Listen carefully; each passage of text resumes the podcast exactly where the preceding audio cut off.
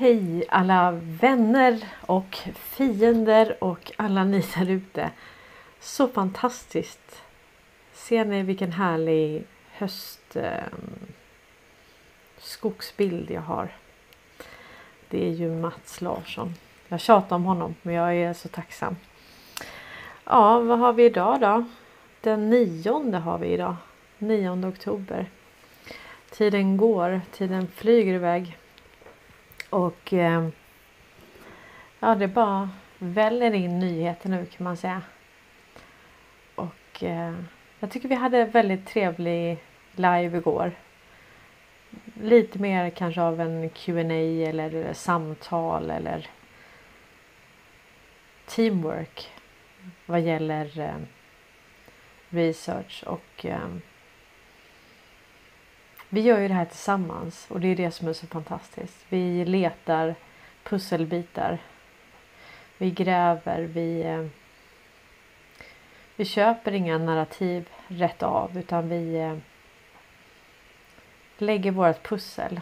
Så när det kommer en ny bit så är det inte så att vi inte redan har ett mönster utan vi har redan en, en väldigt klar bild.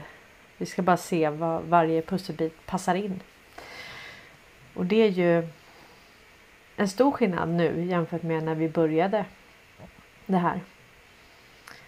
Man kan väl säga att eh, det här folkbildningsprojektet tog fart på riktigt 2017 när Q började droppa.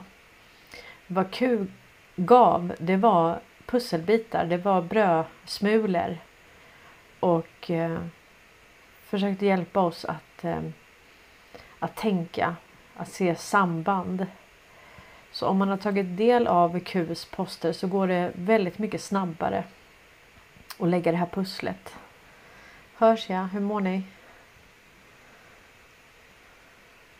Så att Q har hjälpt oss att förstå hur eh, vilken playbook de har använt och hur det sitter ihop. Eh, livsmedelsindustrin, läkemedelsindustrin, underrättelsekollektivet, media och hur de har samarbetat. Hur det finns eh, en, eh, ett träsk, hur det finns institutionaliserad korruption, hur vi har ett företagskluster som samverkar globalt för egen vinning. Det jag inte visste när jag började gräva i det här, det var ju vilken roll Sverige hade eller svenska företag, ett fåtal svenskar. Det hade jag ingen aning om utan jag eh, jag tittade på USA, följde Trump, följde Q och så tänkte jag men jag kanske ändå ska kolla lite om det finns någon korruption i Sverige. Oj oj oj, det var ju hela poletten trillade ner när man började gräva i det. Och det, vi var ett gäng på Twitter. Jag hade ju en sån Q-profil. President elect. Eh, Russian boat. och det var ju så. Jag hade ju mitt företag och jobbade med eh, börsbolag. Och eh, mina kollegor tyckte att jag var en konspirationsteoretiker. De var ju partners, kommanditdelägare eh, i ett kommanditbolag som jag hade. Och eh, det blev ohållbart till slut. När de tyckte att jag... Eh, så att jag fick säga upp kontoret, säga upp alla avtal, säga upp alla kunder. Och eh, det har varit en tuff resa. Och nu som ni vet så jobbar jag extra som lärarvikarie. Men nu har jag en liten valp så att jag jobbar bara på fredagar just nu. Och sen har vi väl ungefär 12 timmar i veckan som vi möts i live och eh, spaces. Så det är fantastiskt. Jätte, jättekul. Det här är faktiskt det absolut roligaste jag har gjort i hela mitt liv. Det mest spännande. Det mest om, omvälvande. Det mest eh, sorgliga. På många sätt. Och eh, det är många nu som har kognitiv dissonans och nu pratar jag inte de 80 procenten utan nu, nu pratar jag bland oss. Det börjar uppkomma nu kognitiv dissonans. Och det gäller framförallt eh, frågan om ägande faktiskt. Det tycker många är jobbigt. Man tycker ändå att man eh, man äger väl vadå? Lägg av. Jag har liksom betalat av mitt hus. Jag har kämpat hela livet för det här. Eh, och så kommer du säga nu att eh, vadå? Du äger ju inte. Nej. Alltså man måste förstå att den här Agenda 21, Agenda 2030. Den har eh, eh, Tack. Den har rullats ut. Agenda 2030 och Agenda 21 har rullats ut för att vi ska förstå vad vi redan har haft. Och eh, jag vet inte hur man ska göra det tydligare men eh, om man har betalat av ett hus med räntebelastad skuld som inte ens är ens egna som banken bara kan ta även om de inte går i konkurs. Och så har man tagit de pengarna som det inte tillhör en själv. Och så köper man ett hus. Sen eh, är det så att eh, man äger bara 10 centimeter ner i mark, marken. Så längre än 10 cm ner äger man inte. Och sen är det så att eh, om man inte betalar sin fastighetsskatt så kan Kronofogden utmäta huset. Och då är det vissa som skriver till mig nu att ja, men, jag har alltid betalat min skatt. Ja, men man måste väl kunna erkänna ett systemfel fast man själv har betalat skatten. Det är självklart om du har betalat skatten elen och så vidare. An, dina andra räkningar. Nej, då kommer de inte utmy, utmäta ditt hus. Men eh, är det så att eh, du inte har betalat någon av de här räkningarna. Då kan eh, gäldenärerna kräva också. Att eh, de kan kräva. Att eh, ditt hus ska säljas. Så att de får sina pengar. Och eh, Sen är det så att kommunen kan beslagta om vi säger att de ska bygga någonting roligt, en väg eller så. Så kan de expropriera din fastighet. Så att eh, jag förstår att man vill äga. Och eh,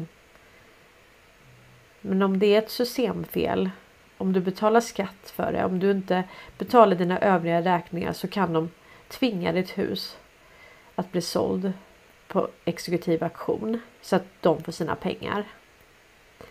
Och det här gäller ju alla möjliga. Det här gäller ju små, om vi säger att du har kreditkortsskuld eller någonting som är ett misstag också. Det kan ju vara att de kräver dig på pengar som du inte ens har lånat. Det kan vara bedrägeri och så bara tar de ditt hus. Hur värjer man sig då? Ja, men det är jättesvårt. Det är inte ens säkert att det går. Och jag vet några i det här kommunen som har blivit av med sina hus. Så att jag tror att det är väldigt viktigt i det här skedet vi är i nu. Att eh, inse vad det här systemet är. För det är först när vi gör det som vi kan göra någonting åt det. Det kommer komma ett nytt system med ett helt transparent system med ägande, nyttjande eller brukande. Det är också helt fel. Alltså hur kan du sitta på väldigt mycket land, mark, brukbar jord och inte nyttja den? Och sen har du samhällen runt omkring som behöver mat. Ska du bara kunna sitta på all... Du, köper, du är så rik då så du köper upp all mark i Sverige och så kan ingen bruka jorden då det, det funkar ju inte heller. Så jag tror att det här kommer reformeras och jag menar det är i alla fall så att om vi har ett fiktivt ägande idag. Ja, man kan fortsätta leva i illusionen. Det går jättebra. Låt inte mig störa. Eller så kan man ju inse och informera andra så att vi kan komma snabbare framåt. Det här är folkbildning. Man smackar på man smackar på det här för att vi ska förstå det osannolika med Agenda 2030 och allt det här. Du ska inte äga någonting och du ska vara jättelycklig. Man kan väl säga att vi har varit jättelyckligt ovetandes och naiva. Som ändå har levt i någon form av illusion. Att vi äger någonting. Jag är inte den typen. Ni vet att jag, jag är inte den typen. Jag är väldigt eh, grundad i jorden. Och jag pratar om saker som eh, som vi kan bevisa i sak. Jag pratar inte så mycket om eh, frekvenser och sånt. Inte för att det inte finns, det är bara det att det är liksom eh, det mättar inga magar. Och sen blir jag lite bestört faktiskt när vi har de som har eh, ja, verkligen sitt på det torra. Alltså verkligen sitt på det torra. Som oroar sig när vi har större delen av jorden som svälter. Ja, man är väl sig själv närmast. Det är väl inte så konstigt. Jag säger inte att man ska leva för andra och tänka på andra. Men den här svenska egennyttan den är den går djupt alltså. Jag vet inte om vi kan eh, komma ur den. Hur, hur ska vi kunna komma ur den liksom? Ja, nej. Men för att göra det här väldigt, väldigt, väldigt tydligt tycker jag i alla fall. Eh, så har man nu börjat göra olika filmer då med eh, ehm, Ja, man har börjat göra olika filmer med eh, Schwabben. Och eh, jag, jag, tycker att det här är fantastiskt för när man ser det på det här viset så man har samlat ihop då hela hans eh, eh, lära kan man säga, det som han propagerar för. Och eh, om man inte tittar, om man tittar på det här och fortfarande inte förstår att det här är folkbildning, att det här är faktiskt det vi har haft hela tiden och att vi måste göra upp med det för att kunna komma vidare. Vi måste förstå hur illa det här har varit. Jag vill inte leva i en illusion. Jag vet inte hur det är med er och vill man göra det så är man varmt välkommen och, och förr eller senare så kommer man bli väckt, jag är helt övertygad om. Men skjut inte budbäraren. Testa att inte betala skatt testa att inte betala elen. Testa att inte betala ett par räkningar. Testa att inte betala till banken. Och titta om Kronofogden kommer försöka sälja ditt hus. Och eh, ta det som är av värde. Då kommer du göra utmätning. Det har de rätt att göra. För en skitgäldenär. Alltså vi pratar ett litet kreditinstitut som kanske till och med är en scam. Och bara för de skickar begär handräckning hos Kronofogden så kan de ta... Alltså vi kan inte ha den typen av makt hos en myndighet. Alltså vi kan inte ha polis och kronofogde som, som agerar åt små privata kreditinstitut. Alltså hur vet vi ens att, att det är sant? Jag hade en tvist här med, med där de menar på att jag inte hade betalt, men det hade jag visst. Och sen så var det då en påminnelse som de menar, men jag sa jag betalar ju tid. Så skickar de bara till Kronofogden. Och Kronofogden delger mig. Alltså det går inte ens att få rätt. Så ni som säger ja, men jag har råd att betala min skatt. Ja, men det kanske kommer en dag där du inte hade kunnat det. Nu kommer vi ändå få ett nytt system, men kan vi inte bara inse, kan vi inte bara enas kring att det här systemet har varit en illusion, även ägandet. Det har inte funnits något ägande.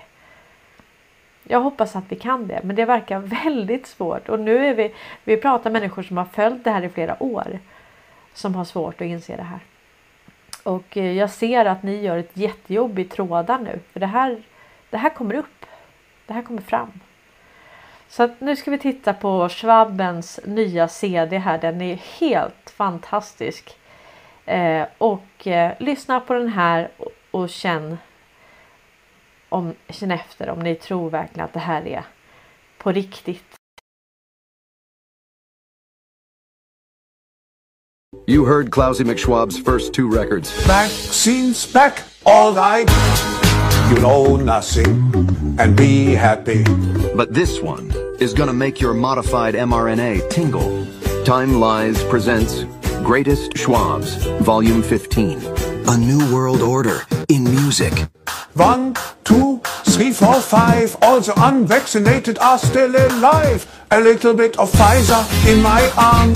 A little bit of BioNTech does no harm. A little Johnson Johnson does the trick. A little AstraZeneca so you don't get sick.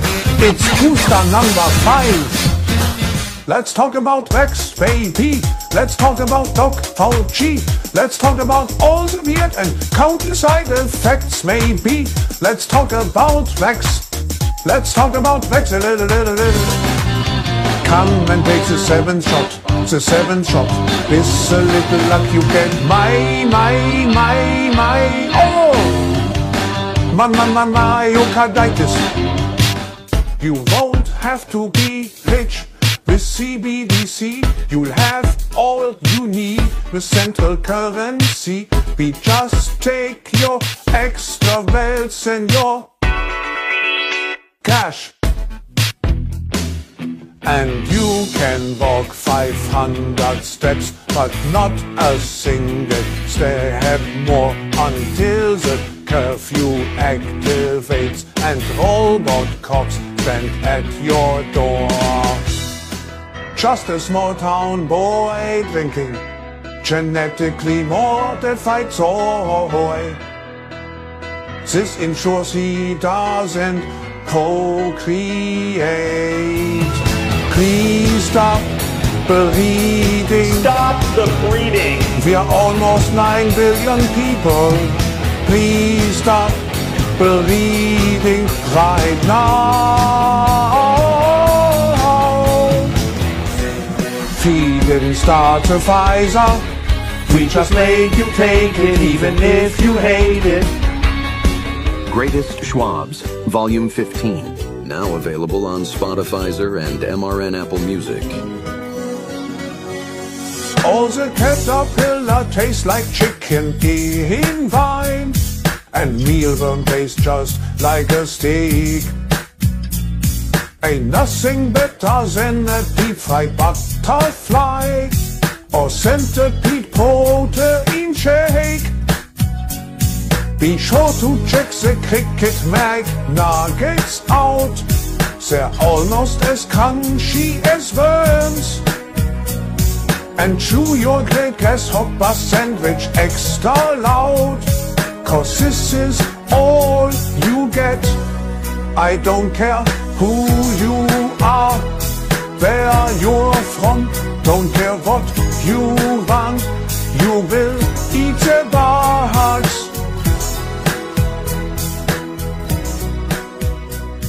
So Willie has what I need. I ordered Willie magazine. The new Willie memes, fun, and Schwerble.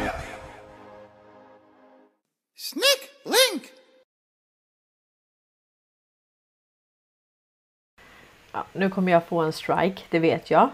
Man får ju inte spela upp annans musik sådär. Men det var det värt, eller hur? Vi tar det nu. Det kommer ligga på Rumble och så sen. Men eh, det här är liksom eh, folkbildningen i ett, eh, i ett nötskal. Vi ska inte äga någonting. Nej tack för det, det har vi inte gjort. Vi ska äta insekter. Ja, det gör man redan på... Jag var i eh, Thailand eh, 1993. Då var det som en sån eh, vagn. Och så var det då gräshoppor och allt sånt så du kunde köpa sådana insekter. Så att det har ätits insekter lite här och var. Sen vet vi inte vad vi har fått i oss heller. Vad de har stoppat i. Och sen det här att vi, vi ska inte ens ha någonting. Jag och Desi i podden Desi och Cornelia vi, vi skojar om det här. Alltså det är ju så dumt va. Då skulle du inte ens ha en kastrull och inte ens dina kläder utan vad du än behöver så ska det komma en drönare. Hallå jag vill laga mat. och så kommer allting med en drönare så att du ska inte äga någonting. Skulle inte ens äga ett eget hem utan det är typ eh, ja men säg ambulerande kontor, liksom ambulerande hem. Så här, nu hittar jag ett hem. Ja men här slaggar jag i natt liksom. Eh, så får man skriva uppdraget på dörren då. Eh, och det här är det är så over the target, alltså det är så over the top signalering så jag förstår inte. Men det kanske måste bli ännu tydligare då. Vi får, eh, vi får se om det går. Jag vet inte. Jag har svårt att se det. Vi har fortfarande debatter om det här. Alltså man kan inte komma 1971 starta World Economic Forum och bli mäktigast i världen. De här strukturerna, det vi kallar den djupa staten, det går tillbaka flera hundra år, kanske flera tusen år. Då kan du inte komma 1971 och starta en tankesmedja och bli mäktigast på jorden. Besvara gärna. Vilken reell makt besitter Schwaben? Ingenting, nej. Och vilka brott har han begått? Inga mig veteligen. Att sitta och säga att vi inte ska äga någonting och vara lyckliga och få äta insekter och att allt ska komma med en drönare. Det är inget brott. Det är inget brott. Däremot har vi andra kriminella nätverk som verkligen har begått brott, startat världskrig, eh, bedrivit human trafficking, allting elände du bara någonsin kan tänka dig. Det finns det. Och det vet vi vilka de är och de är också dömda för det. Folkrättsbrott. Det pågår just nu en eh, eh rättegång mot Lundin. Där man alltså skjutit människor från helikoptrar. Man har använt barnsoldater. Och man måste använda barnsoldater. Ja du. Alltså man har inte ens legoknektar. Man har inte ens ett, ett riktigt bra team. Utan man får ta barnsoldater.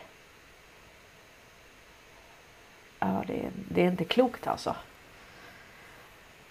Men tre år senare in i det här folkbildningsprojektet så måste vi fortfarande ha den här diskussionen.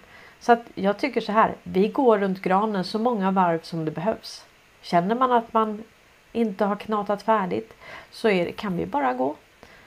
Det, det fixar vi.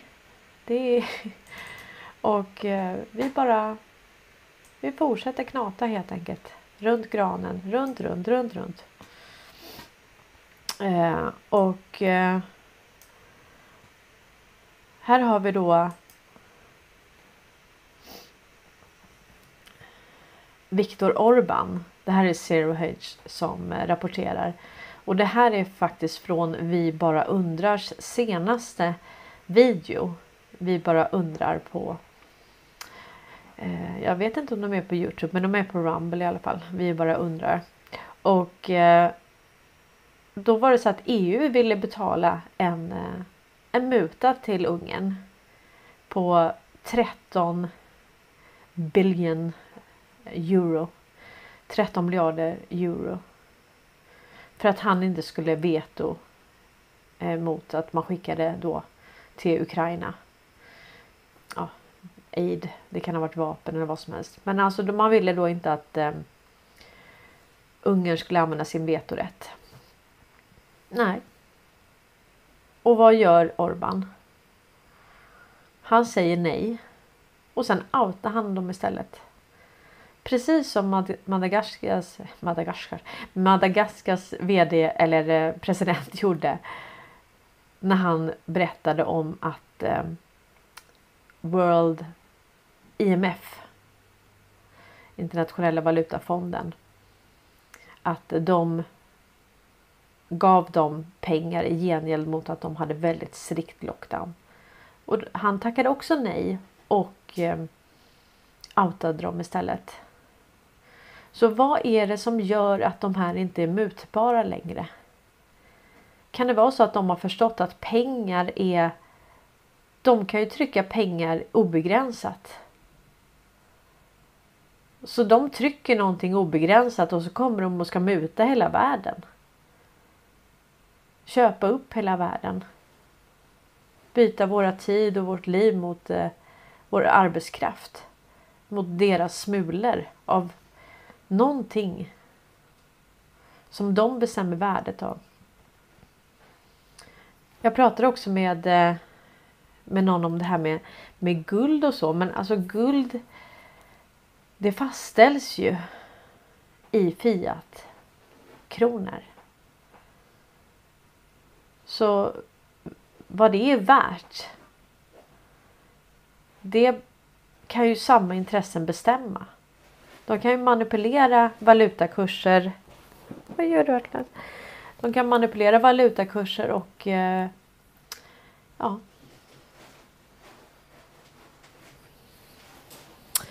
Så att um, han rör sig lite här under. Han ligger alltid under mig när, när jag kör live.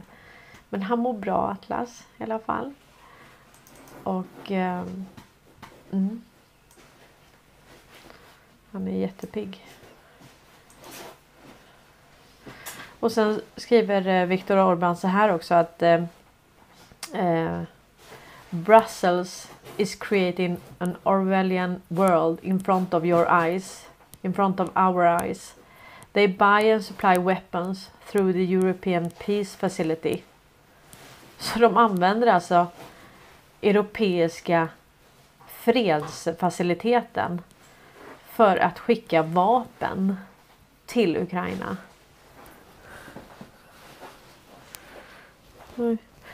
Eh, de vill kontrollera media genom Media Freedom Act.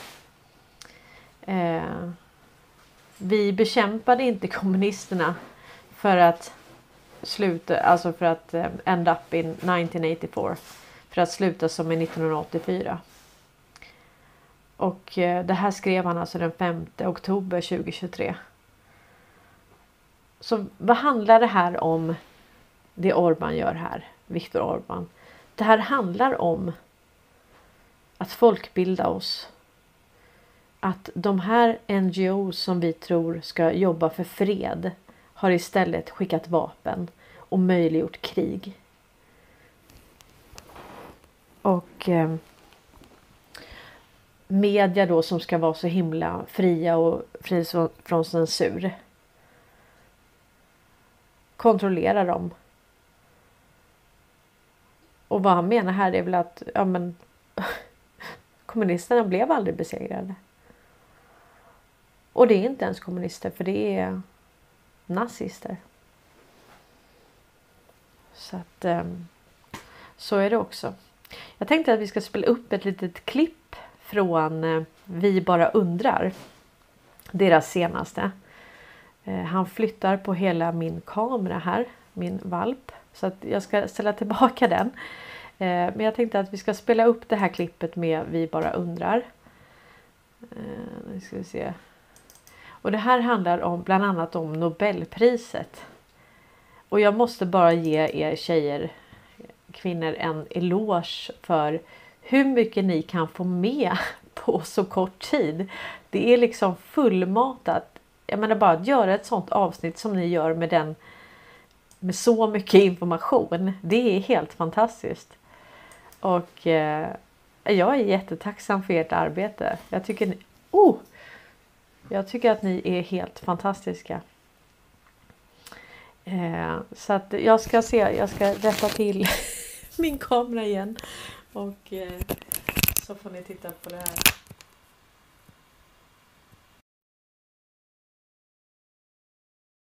också. Det låter bra det. Eh, jag tänker, de delar ju ut priser i parti och minut och ju fler priser man får Ja, desto mer korrupt är risken att man är. tror det ja. Och med, medaljer ska vi inte tala om. Nej, de ska vi medalj häng, hängd runt halsen, då, då är det kört. Eh, det här nobla priset, det är lite skoj. Mm. Där står de med munblöjor och har gjort ett vaccin då som helt uppenbarligen inte funkar. Så måste det ju vara. Ja, förmodligen, för annars ska de väl inte ha det där runt i ansiktet. Nej, varför skulle de ha hon, hon, hon, hon har ett nästan över ögonen till och med. Ja, ja, det gäller väl att dölja sig för hon kommer inte heller att kunna gå på gatorna. Ja, kära, vilket jävla skådespel. Och den som verkligen faktiskt uppfann det, han fick inget. Han är lite mer kritisk och det är klart att jag kan inte ge honom pris för han är ju kritisk till det. Mm, Robert Malone. ja, Han säger att Pfizer donerar till Karolinska institutet. ja, än en gång har vetenskapen kidnappats. ja, vet du vad? Här skulle jag vilja stoppa in en pytteliten film. Eh, det är från när de liksom talar om att här är pristagaren till Nobelpriset. Är det okej om, Ja, om jag gör det? Jag tänkte också på den.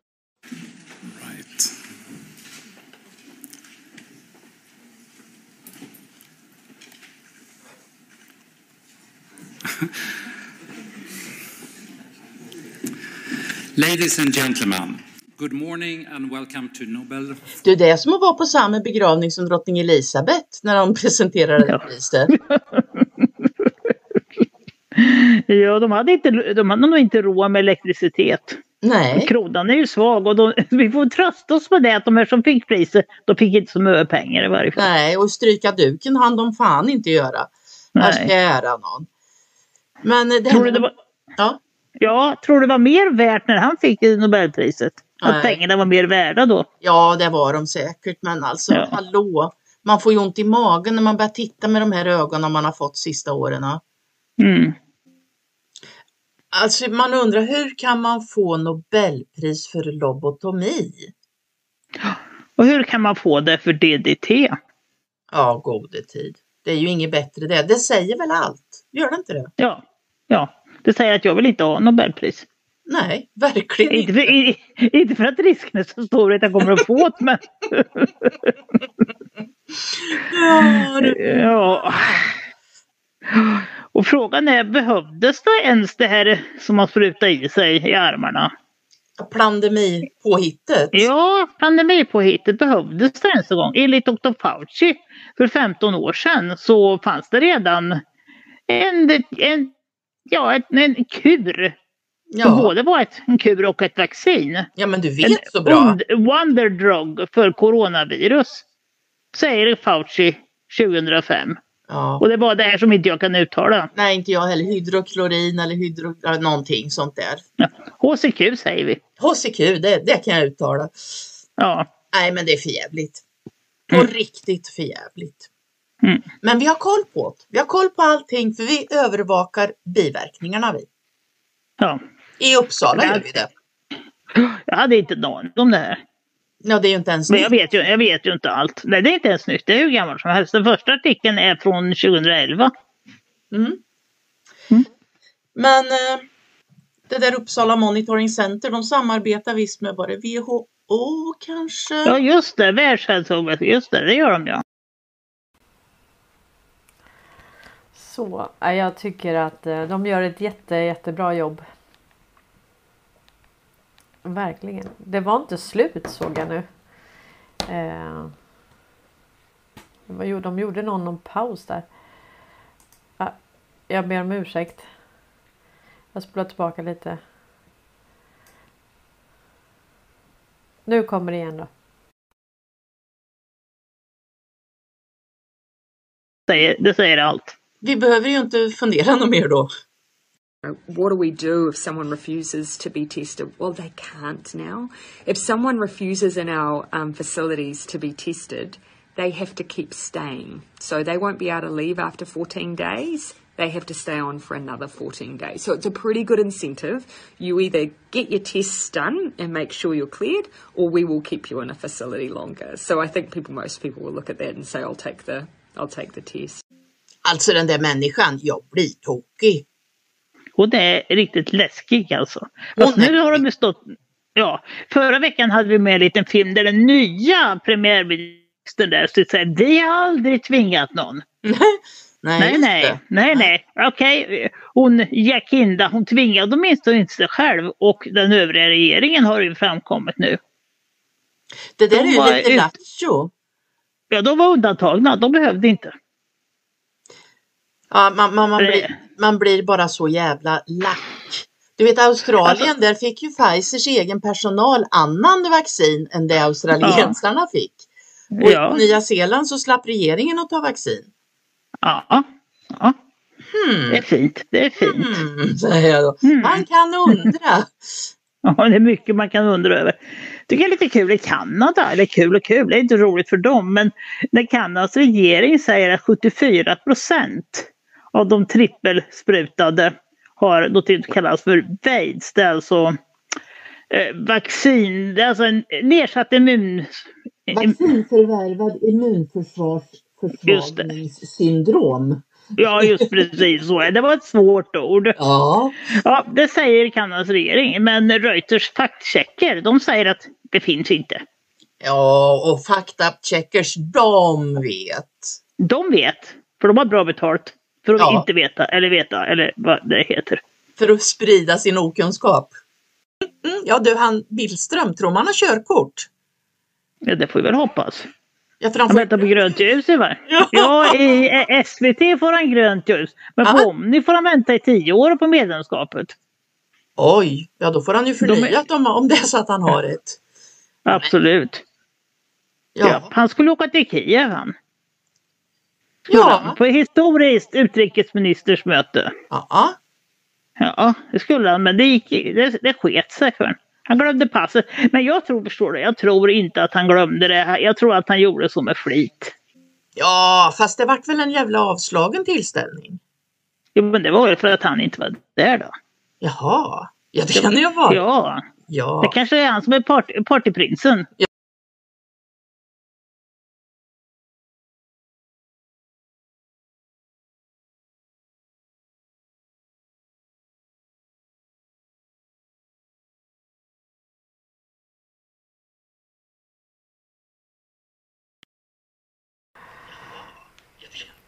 de är, de är fantastiska. De missar ingenting. Ja, det är... Så kan man också ta del av eh, allt vad som händer. Ja, det... Vi verkligen hjälps åt nu. Och om man... Om man inte har kommit till den punkten att man ställer frågor, att man ifrågasätter, att man undrar. Då tror jag man... Då har man nog inte riktigt vaknat. Det enda vi gör hela tiden är just att, att eh, leta efter svar. Och det gör vi ju för att vi inte har alla svar. Vi förstår att vi har blivit lurade. Eh, så jag tänkte jag skulle också prata lite om det här med eh, Vissa säger till mig så här Cornelia du kan inte ta kritik. Det där tycker jag är lite intressant. Eh, alltså vad är kritik egentligen? Ofta är det ju tyckande så att säga. Man diskuterar inte sak överhuvudtaget. Utan eh, man tycker saker. Om mig eller ja, vad som helst. Och så säger man det att, och så kallar man det för kritik. Eh, så jag tänkte vi ska se definitionen på vad är kritik egentligen. Då är det så här att kritik är ett brett begrepp som omfattar exempelvis bedömning, recension, ifrågasättande eller undersökning, till exempel av konst eller andra kulturella företeelser och persons egenskaper, prestationer eller handlingar. Ordet används ofta i negativ mening. Kritik kan även vara positiv och neutral. Neut- en neutral kritik kan ha som syfte att utveckla det sagda och berika samtalet. Kritik i denna betydelse är menat som starten på ett argumenterande samtal, inte som en bedömning. Och det är väl där jag tycker att om man lägger fram research, då får man ju prata utifrån den. Och jag tycker att alldeles för ofta har det blivit att folkbildning handlar om vad man själv tycker och tänker. Men då gör man ju ingen research. Om jag ska rapportera verkligheten så som om vi säger från ett, ett krig eller vad som helst. Då försöker jag ju rapportera så brett och så sanningsenligt som det bara går. Inte vad jag själv tycker. Det är en annan sak. En person som mer eller mindre yrkesmässigt ger kritik kallas för kritiker. Kritik i bredare mening kan även kallas verbal eller icke-verbal, fysisk eller icke-fysisk. Osaklig och nedvärderande kritik kan be beskrivas som hån. Ja precis. Konstruktiv kritik brukar avse kritik som är till för att förbättra det kritiserade, till exempel att ge förslag till förändring. Motsatsen är destruktiv kritik. Alternativt okonstruktiv kritik. Och här ser vi att det finns massa olika kritik här. Eh, och jag tänker vi kan ha det här i åtanke när vi eh, kritiserar. Jag la upp till exempel idag ett eh, direktiv om vatten.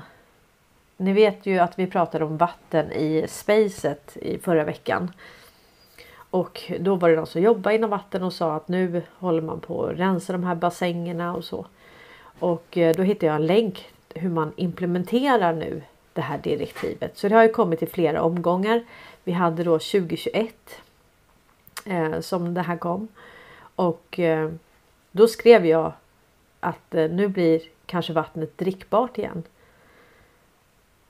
Och tanken då i och med att det är, är det 12 procent moms på köpt dricksvatten. Alltså som du köper på flaska. Och 25 procent på det du har i kranen. Så tror jag helt enkelt att man visste att, att det var så eftersatt. Så att man hade tänkt sen att bara säga att nej nu får ni köpa flaskvatten istället. För man har eftersatt underhåll på vattnet. Eh, och då var det någon som inte ens hade läst det här och skrev till mig att du, du tål inte kritik. Men nu så skrev och då sa jag det att du är välkommen med din negativa kritik när du har läst direktivet för det var ju det vi diskuterade. Och det här är, det är så svårt att hålla isär begreppen. Jag förstår inte. Vi måste kunna prata om saker. Eh, om vi pratar om det finansiella systemet, skuldmättnad till exempel. Och alla konkurser om man bara ska folkbilda utifrån vad man själv tycker. Ja, då skulle man inte rapportera om det om man tycker att det är negativt. Och man tycker inte att det ska vara så. Nej, men det är inte så det fungerar. Det jag försöker göra det är att så efter min bästa förmåga beskriva hur det här systemet har fungerat. Vad problemet är, hur vi hamnade här och vart vi ska. Vad ska vi få istället? Och det är det som jag försöker göra. Och då får man lägga undan vad man själv tycker. Vad gör du? Man får lägga undan vad man själv tycker i det här för att det är inte relevant vad jag tycker. Och det är ju vad det är oavsett om jag tycker ditten eller om jag tänker datten. Ehm, så att ehm, ja, vad säger ni om det? Hur tänker ni?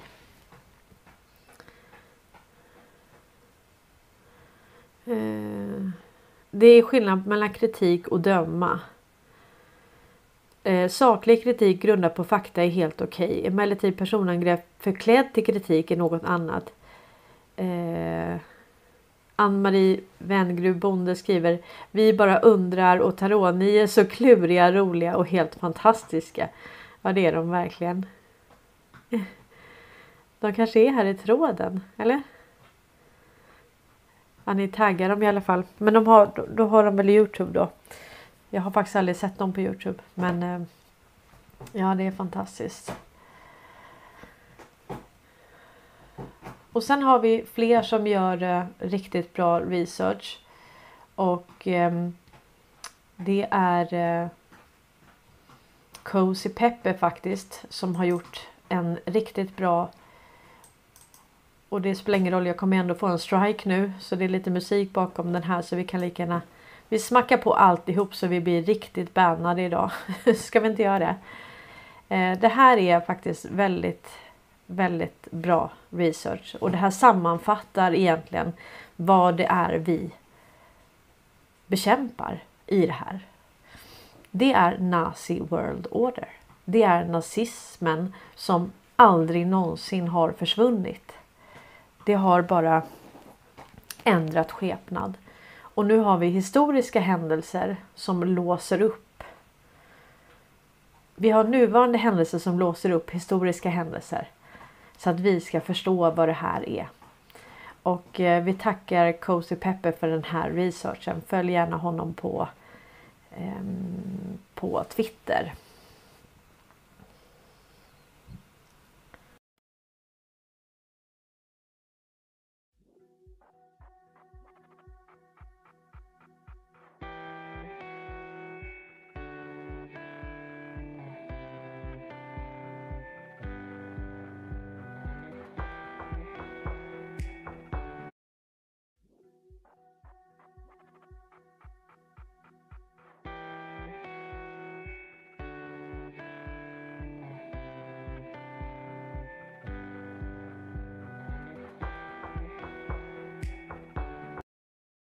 Så dumt att jag inte får bort den här. Eh...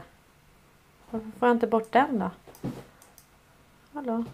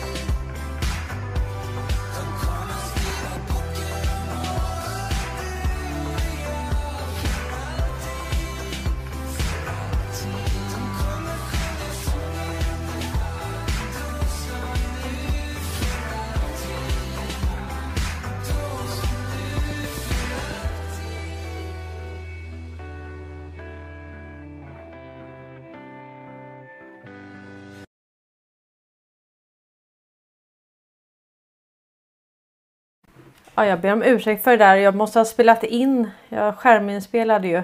Och då måste jag ha spelat in med den här. Ja. Och Atlas han håller på att äta upp sin bädd här. Han är jättebusig så nu fick han ta på sig tratten igen. ja, det är jämna plågor här. Men det här är ändå väldigt intressant. Eh, se om vi kan se här. Jag har ställt till det för mig här. Vi får, eh, vi får ta den imorgon igen så får vi. Eh, och jag har också delat den på min Twitter. Jag tycker att det där var, det, det är det det handlar om så att säga. Det är de här årtalen. Det är Nazi World Order och eh, det har sin kärna och sitt ursprung i Sverige. Så är det. Och eh, eh, Knuggen då, han har, eh, det är en ny bok om honom. Det här var också vi bara undrar som delade. Vad gör du? Eh, en sekund bara. Atlas. Men sluta! Nej. Han tar loss såna här... Oj. Jag ber om ursäkt alltså. Han flyttar på allting. Ah, det är jobbigt att ha valp alltså. Ehm, men, den här boken då. Ehm, då, då står det så här att. Ja, helt otroligt. Slut Atlas!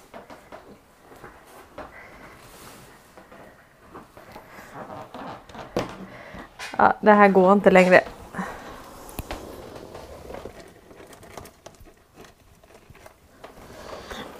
Precis som det inte är nog med vad han har redan ätit och stoppat i sig. Eh, slut Atlas. Eh, och då säger det i alla fall om den här boken då. Oj, vad gjorde du nu? Hm.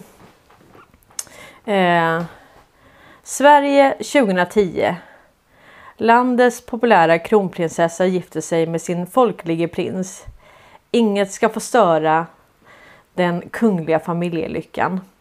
Ändå skuggas fi firandet av, en, av överhängande faror. En känd kvinnlig artist, en serbisk gangster, en kommande bok. Och i monarkens lögner mobiliseras starka krafter för att eliminera hoten. Vid tiden har tre journalister under flera år kartlagt den svenska monarkens liv. Det kommer så, så småningom att leda till den största skandalen i modern svensk kungahistoria. När statschefens privatliv bland gangsters, strippor och kaffeflickor avslöjas. Boken Den motvillige monarken blir sprängstoft i både svenska och internationella medier. Något som inte bara skapar svallvågor i kungahuset utan också i journalisternas egna liv. Det här är berättelsen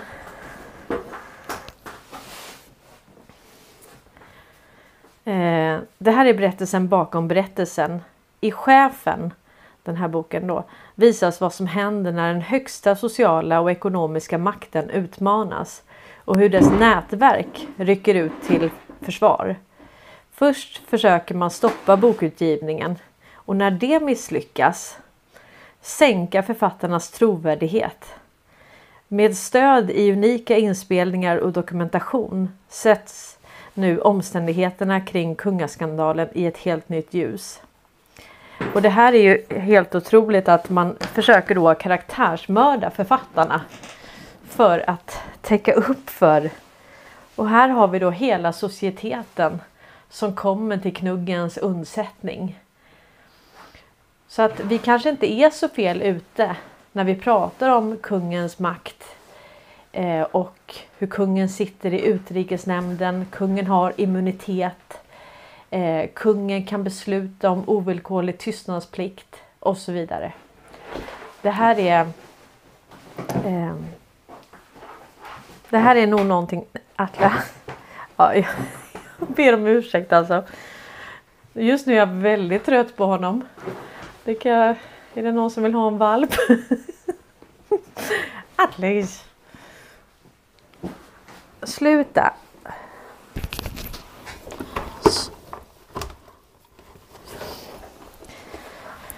Så. Vad säger ni? Oh, det är som att ha ett spädbarn det här alltså. Det var en... Jaha, ni vill se Atlas? Ja okej då. Kom då. Kom, Kom Atlas. Ja, ni får göra det snart. Han,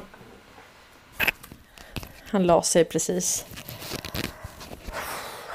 Ja, det är en pers i alla fall. Ehm, mm. Och sen måste vi ta den blodige svensken. Nu får Atlas sköta sig för jag vill faktiskt ta det här nu. Och eh, vi pratade ju igår om eh, Carl Bildt. Och eh, då har vi... Ja, vi gör så.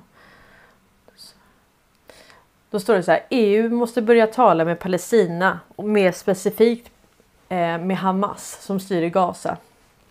Det menar eh, Sven Kühn von Burgsdorf. Stackarn. Avgående EU-ansvarig för palestinska områdena. Hamas vann valet i Palestina 2006. Det är enligt dåvarande valobservatören Carl Bildt. Dittills mest demokratiska valet någonsin i området. Ja men okej. Okay. Eh, mest demokratiska valet någonsin. Okej. Okay. Eh, de har inte ens fastställda gränser och de styrs av eh, terrororganisationer. Okay. Men den nya regeringen bojkottades och frystes sedan omedelbart ut av EU utan att ha fått någon möjlighet att visa vad man ville åstadkomma. Bland annat hindrades den nya biståndsministern Atef Advan att besöka Sverige för att diskutera samarbete och utveckling. Advan fick istället diskutera frågorna med tidigare statsminister Kåre Will, Will och i Norge som ju inte är med i EU. Något som borde varit pinsamt för Sverige med vår normalt hög svansföring i eh, i ehm, och här ser vi då Carl Bildt. Här har vi då År 2006 antydde Carl Bildt att Hamas, som precis då hade vunnit det pal eh, palestinska parlamentsvalet, borde betraktas som en legitim politisk aktör. Trots att dess syfte och främsta mål är förintandet av staten Israel. På, bild ser på bilden ses Bildt skaka hand med Mahmoud Abbas, ledare för det palestinska självstyret. Och här har vi Yasser Arafat. PLO då. Eh, han vet jag inte vem det är. Vet ni vem han är? Får ni gärna säga det. Eh, men det här är ju helt, alltså den blodige svensken är verkligen överallt i det här. Och eh, nu skriver ju Carl Bildt också att eh, nu ska vi se.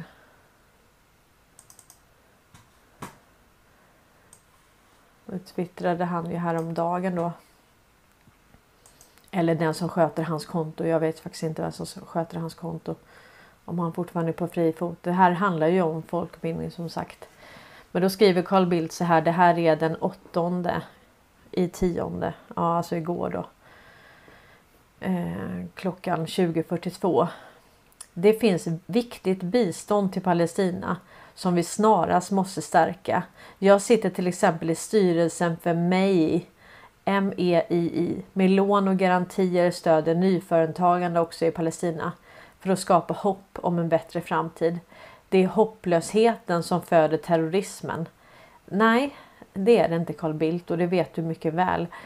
Så att vad handlar de här Ehm, alla de här organisationerna om? Varför är det så viktigt för Carl Bildt nu att få, få iväg eh, pengar, bistånd till Palestina?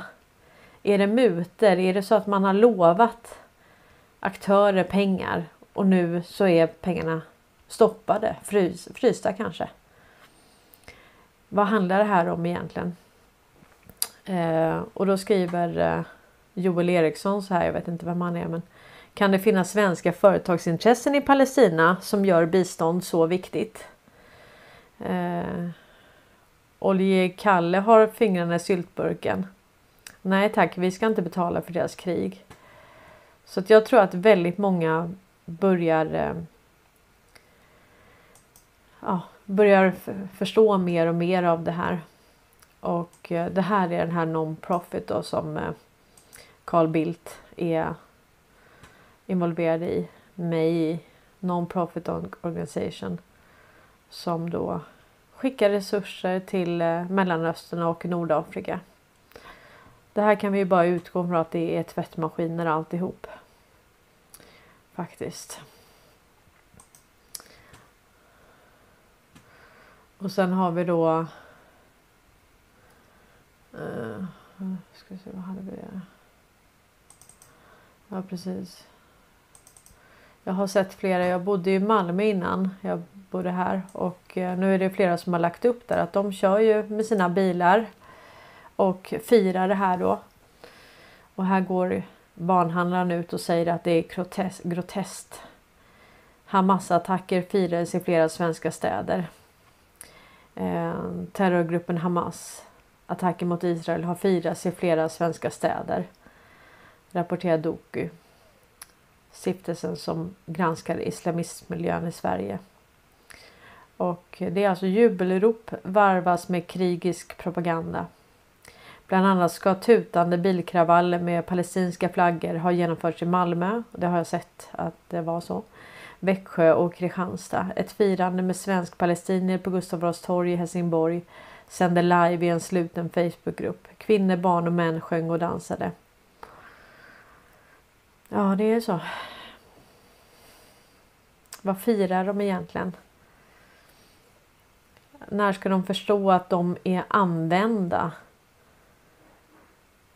De är använda för att kunna härska genom söndring. De är satt där som ett orosmoment. Och den djupa staten har kontrollerat både Israel och Palestina. Vi tittar på signalvärdena i, i allt det här men samtidigt så, så missar vi kanske vad det här grundar sig i. Och det handlar ju om att Israel är ju, det är ju strategiska eh, strategiskt lås för eh, ett strategiskt lås. Se om det är kvar här. Och eh, Leonard Johnson skrev väldigt intressant till en annan i, i en tråd då. Man har härifrån, alltså från Sverige, gett pengar både till Islamic Relief, PLO och Hamas och är en finansiär av terrorism som blev erkänt eh, och som erkänt Palestina. Samtidigt som Wallenberg kontrollerar telekominfrastrukturen och kraftförsörjningen via Ericsson och ABB i området och har kontroll på all kommunikation. Och då gäller det både Israel och ja, Palestina. Då. Så att eh, jag tror att vi har ganska klar bild av eh, vad det här är. Och eh, nu går Israel ut och säger då att man har eh, man har skjutit eller man har eh, attackerat 500 Hamas mål under natten. Eh, Israel har under natten attackerat över 500 mål tillhörande Hamas och eh, Islamiska Jihad i Gazaremsan under natten. Uppger den israeliska militären på måndagen. Landet uppger också att det pågår strider på 7 till 8 platser runt om i Gaza.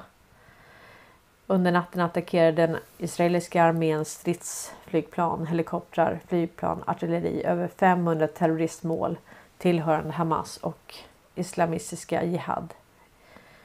Säger militären i ett uttalande. Och det är ju så att eh, Ja, ni kan få se det också. Att vad ska vi med de här till liksom? Ska de få hålla folket både i Israel och eh, eh, Palestina gisslan. För att de ska få styra och ställa och härska genom söndring. De förtjänar ju att få fred, alltså riktig fred. Mm. Och eh, det är rätt intressant för att de, de jämförde den här attacken med ehm, eh, nu ska vi se. Den ryska. Vad står det här nu? Ja, de jämför det med. Eh, oj.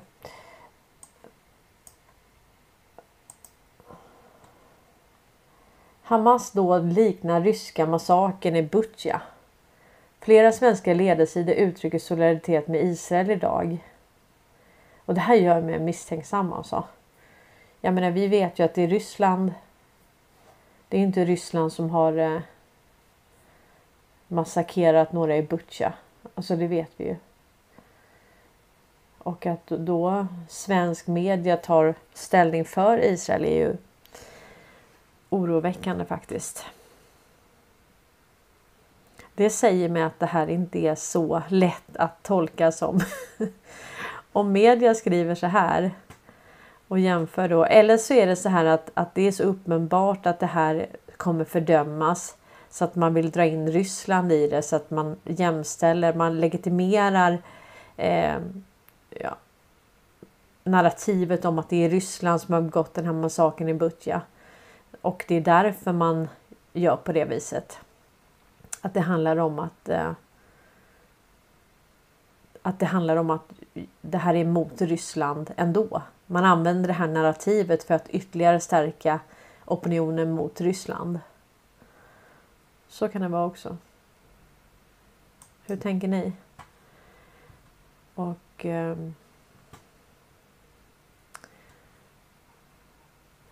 Det är ju faktiskt att ryska ambassaden, det här är också faktiskt från eh, Vi bara undrar idag. De hade väldigt mycket, väldigt mycket matnyttigt. Eh, och eh, då skriver ryska ambassaden i Sverige att svensk propaganda i konkreta siffror. Av de 100 000 artiklarna finns noll referenser till en västerländsk USA-initierad illegal kupp genomfördes i Ukraina 2014 trots att det inte råder några som helst tvivel på att den inträffade.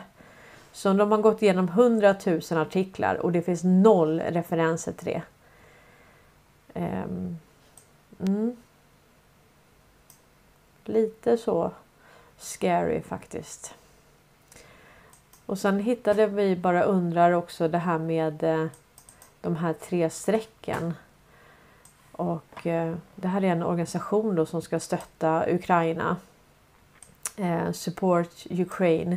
Freedom at home and abroad. Och jag var också inne på deras hemsida. Och ja, mycket riktigt, det, det står inte vilka som ligger bakom det här. Men vad vi ser är de här tre strecken. Och eh, det är ju Ericssons streck. Och där har vi också lite, om det var Cozy Pepper det också va? Som eh, har sammanställt här. Eller det kan vara någon annan på Twitter också. Jag, ska, jag ska, vet inte. Men det här är också riktigt bra research. Det här är då hur de tre strecken kommer igen. Det var ju både i, Bidens kampanj med tre streck. Vi har Redby. Eh, vi har Atlas Copco 1, 2, 3. Eh, ja, Investor har väl inga. Det kanske de har. Men Ericsson tre streck. Electrolux. Ja, det vet jag inte. Deloitte. Valenius. Saab. Allians. Halion. ABB. Ja, nej, det här är. Mm, vi är något på spåren där. Och även då Bidens kampanj. Som har tre streck.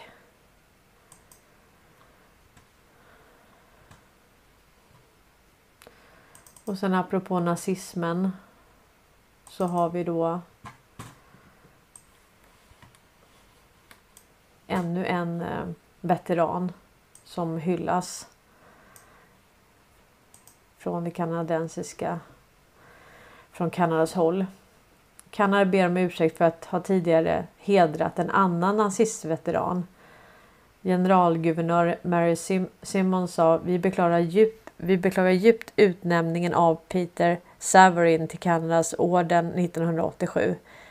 Och vi ber kanadensaren om ursäkt för all ångest eller smärta som hans utnämning kan ha orsakat.